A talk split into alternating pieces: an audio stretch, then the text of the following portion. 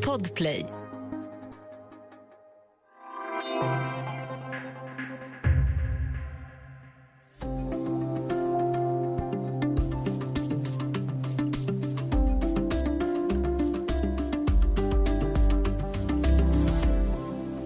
Vissa människor utövar ett slags dragningskraft bara genom hur de är. Och nu talar vi inte om sexuell attraktion utan det som gör att en viss person blir populär. Det finns forskning på det här. I Studio DN idag om vem som blir populär och varför och vem som inte blir det. Jag heter Sanna Thorén Björling och med mig idag har jag Johan Nilsson som är vetenskapsreporter på Dagens Nyheter. Välkommen! Tackar! Du Johan, var du poppis när du gick i skolan? Eh, det kan jag inte påstå. Ehm, men jag var nog inte impopulär heller. Jag var väl där någonstans i mitten förhoppningsvis. Mm, den där stora massan som de flesta av oss var i. Exakt. Det är ju lätt att tänka sig att det här bara finns bland väldigt unga personer, men även bland vuxna finns det ju faktiskt de som är populära och attraktiva att vara med och de som inte är det. Ehm, du har intervjuat flera forskare om det här eh, och då undrar man ju, vad gör egentligen en personlighetspsykolog? Ja, det är en psykolog som, som eh, studerar personlighetens betydelse för olika saker. Exempelvis eh, vad som, om man blir populär eller inte, så att säga, om det kan ha att göra med ens personlighet. Som lekman så kan man ju tala om personer som kanske sprider positiv energi och man uppmanas att söka sig till dem och strunta i alla andra. Inom forskningen så talar man ju om något som heter extroversion. Vad är det för något?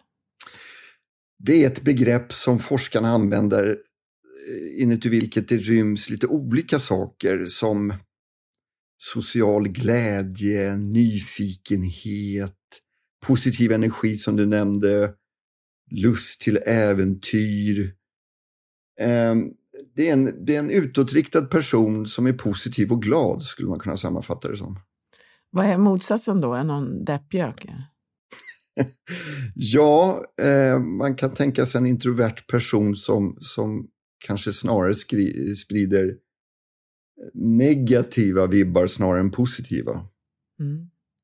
Men om man inte är lagd åt det extroverta hållet, för det här är ju någonting då som är en fördel om man vill bli populär då. Eh, vad kan man göra åt det? Ja, det är en bra fråga för att det här är ju då som sagt var det är väldigt kopplat till personligheten och personligheten ligger ju som fast nästan sedan födseln.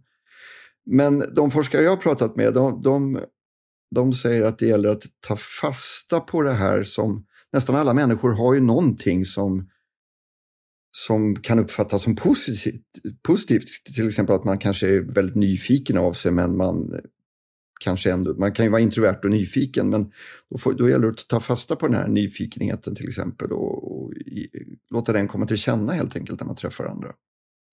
Så på så sätt kan man liksom knyta kontakter och så. Vad är det som gör att vi eh, dras till extroverta personer? Ja, eh, det är en bra fråga eh, som jag tror till syvende och sist kanske finns något evolutionärt inom, men att det kanske kan vara något som traditionellt har blivit liksom ledare för gruppen eller att man, de får större gehör och man får tillit till dem och att de kan ta ansvar och så vidare. Mm. Men det gäller att vara lagom extrovert. Det är liksom, jag tror inte det gäller alla extroverta. Mm. En annan faktor som tydligen spelar roll för vem som blir populär är vad forskarna kallar välvillighet. Alltså egentligen om man är snäll. Jag tänkte, var det inte rätt länge ute att vara snäll? ja, ja, eh, inom välvillighet ryms också begrepp som ödmjukhet, empati. Och det är ju saker som alltid har uppfattats som positiva. Och att vara snäll, ja man ska inte vara dumsnäll kanske, men, men, men snäll tror jag alltid varit det är, ingen som, det är, det är väl ingen som vill vara ihop med någon som är elak eller tillsammans med någon som är elak. För det, det, det tror inte jag på i längden. Nej. Bägge de här komponenterna utgör alltså grunden i vad som ibland benämns emotionell intelligens. Det där känns ibland som ett modord, men det är inte bara det. Vad, vad, vad ligger i det där begreppet? Ja, eh, man skulle, skulle kunna säga att det är en persons förmåga att handskas med känslor, både sina egna och andras och kunna läsa av omgivningen och förstå omgivningen. Det tror jag är viktiga komponenter. Ehm, att man, att man har förståelse för den man pratar med och den stämning som liksom råder i rummet. Kan man veta om man själv är emotionellt intelligent eller är det lättare att se på andra? Jag tror att det är lättare att se på andra. Ehm, det är samma sak med, med det här. Väldigt mycket av det här tror jag har att göra med om huruvida man har bra självförtroende eller inte. Och människor med stort självförtroende tenderar ju att säkert överskatta sin EQ eller emotionell intelligens medan människor med dåligt självförtroende säkert underskattar den. Mm. Så att um, det där, jag tror det är nog andra som får fälla avgörandet. Det du är inne på är ju lite grann att vi dras till personer som är ja, sympatiska och stimulerande. Eh, vilken sorts personer uppfattar vi som tråkiga? För det finns ju forskning på det med. Ja, eh, det kom en studie för inte så länge sedan som, där man hade frågat människor om vilka yrken som de uppfattade som tråkiga och vilka fritidssysselsättningar. Och då hamnade yrken som revisor och hobby som fågelskådare. Det hamnade liksom högt upp på den här tråkighetslistan. Men vad den här forskningen egentligen gjorde det var ju att den liksom ville visa på fördomarna som människor har mot de här yrkena, mot de här personerna som har de här yrkena och att det kan leda till stigma. För det är ingenting som säger att man är tråkig bara för att man tittar på fåglar. Mm. Men det finns någon sorts liksom... Eh, um, ja, det, det, det, finns yrken och sysselsättningar som folk... Och så dömer man människorna efter det. Vilket är ju helt fel. Men, men tråkiga är väl, det är väl annars eh, introverta och de här som, som framförallt som sprider negativ energi, som är negativa. Negativt, det, det är aldrig bra. Eh, det sägs ju eh, att ungefär hälften av de här variationerna i personlighet är, är genetiskt drivna. Det gör ju att man i alla fall kan påverka hälften. Hur gör man det då? Ja, jag tror, jag tror i och för sig det här med hälften ska man ta med en nypa salt för att det är ingen som riktigt som vet hur mycket som är genetiskt. Men helt klart så finns det ju en liten del som man kan påverka själv och det är väl att eh, det där som vi var inne på förut, att man får plocka fram saker som man tror att andra kan tänkas vara intresserade av och inte stå i ett hörn och bara se moloken ut, utan man får försöka och, och mm, prata och umgås. Det, det tror jag är en viktig nyckel. Det, det, jag tror att ibland så, det här är bara mm, en tanke, men introverta eller blyga personer uppfattas ju ganska ofta som antingen högdragna eller, eller snåla med sig själva. Alltså att man mm. uppskattar den som upplevs i alla fall som generös. Eh, är det där någonting som ligger i det här, tror du? Jo, men det, det tror jag nog. Det tror jag nog väldigt många blyga människor jobbar med eller introverta. För många av dem eh, vet ju att de är det. Så att de, de, de får nog jobba med det. Om de nu vill bli eh, mer populära, man ska säga. Det är väl inte alla som vill.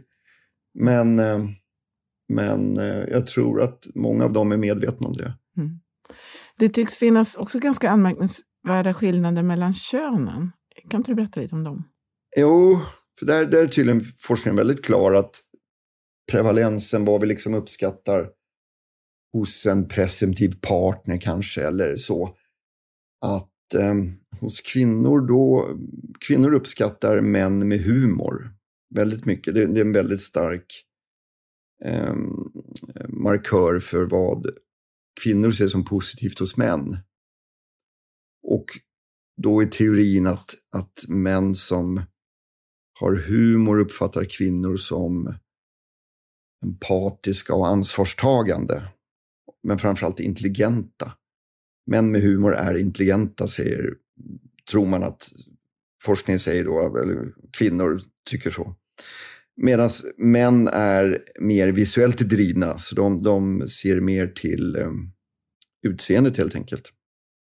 Tråkigt, men um, så, så verkar det vara. Vet du hur man har gjort, hur, hur sån här forskning går till? Vad man, hur man tar reda på sånt? Ja, det finns ett, just på det här området finns ett flertal studier som, där man har låtit olika grupper eh, rata olika, olika, dels med bilder och kombinerat med eh, egenskaper. Och hur de ratear så, kan man, så går det att se då hur, vad som faller ut som, som en prediktor i olika grupper. Mm. Men det här är ju generellt, sen finns det naturligtvis individuella avvikelser. De, de flesta kvinnor gör ju i alla fall någonting eller rätt mycket för att försöka förbättra sitt utseende och pratar också ofta öppet om det. Um, hur tycker du att snubbar anstränger sig för att bli roligare? Det känns som att det ibland finns lite att göra där då. Om man... ja, ja det, det finns eh, säkert eh, en hel del att göra för många. Um, jag vet faktiskt inte. Jag vet inte. De, um, de gör säkert sitt bästa och många tror säkert att de är roliga. Det är väl en sån här universell sak att alla tror att de har humor. Just det, så blir det Men, bara jobbigt när de inte har det. Ja, men lite så. Lite så. Um, men de får, väl, de får väl gå någon kurs eller någonting kanske. Mm. Lite avslutningsvis då, hur, hur självmedveten har du själv blivit av att lära dig om olika personlighetstyper och, och så har det påverkat hur, hur du beter dig eller hur du ser på andra människor? Uh, ingenting alls är jag rädd för. Eh, det är en sak att läsa att den här människan är, anses vara attraktiv eller det här är positiva egenskaper men att anamma dem själv är ju väldigt svårt. Det, det, det, borde inte vara så svårt. Ibland har jag tänkt på det, att, att, hur svårt kan det vara? För man vet ju vad som går hem. Det är ju ingen, det är ingen hemlighet, utan det, utan det har ju forskare sagt i flera år att de här egenskaperna är attraktiva men lik förbaskat så kommer man ju på sig själv ibland att vara, liksom, bara sitta och vara hur tråkig som helst på en fest eller någonting. Um, ja, det är något av ett mysterium. Det är ett mysterium. Stort tack för att du var med idag Johan. Tack. Om du vill kontakta oss så går det bra att mejla till studiodn.se. Kom också ihåg att prenumerera på Studio DN där du lyssnar på poddar så missar du inga avsnitt. Studio DN görs för Podplay av producent Sabina Marmelaka, ljudtekniker Patrik Miesenberger och teknik Jonas Lindskog, Bauer Media. Jag heter Sanna Thorén Björling.